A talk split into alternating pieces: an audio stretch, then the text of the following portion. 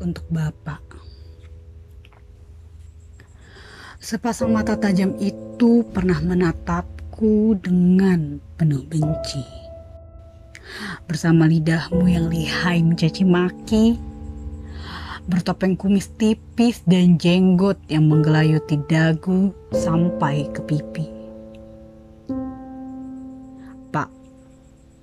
Sudah lupakah kau saat aku datang membawa salam? Tapi kau jawab dengan satu pukulan.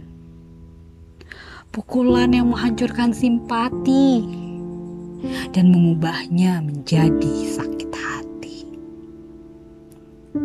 Yang kini mulai menjelma menjadi dendam.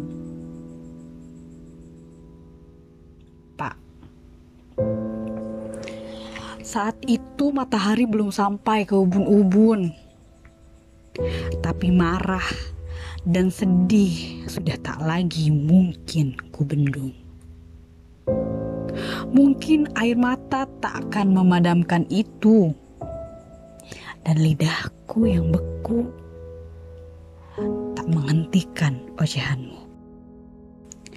Tapi pak, itu sudah berjalan lima tahun. Tak pernah lagi aku menengokmu.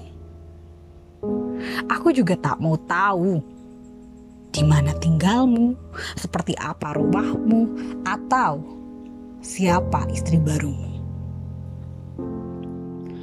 Pak, aku masih mendoakanmu. Di balik dendam yang makin menghitam, dan aku akan tetap membencimu.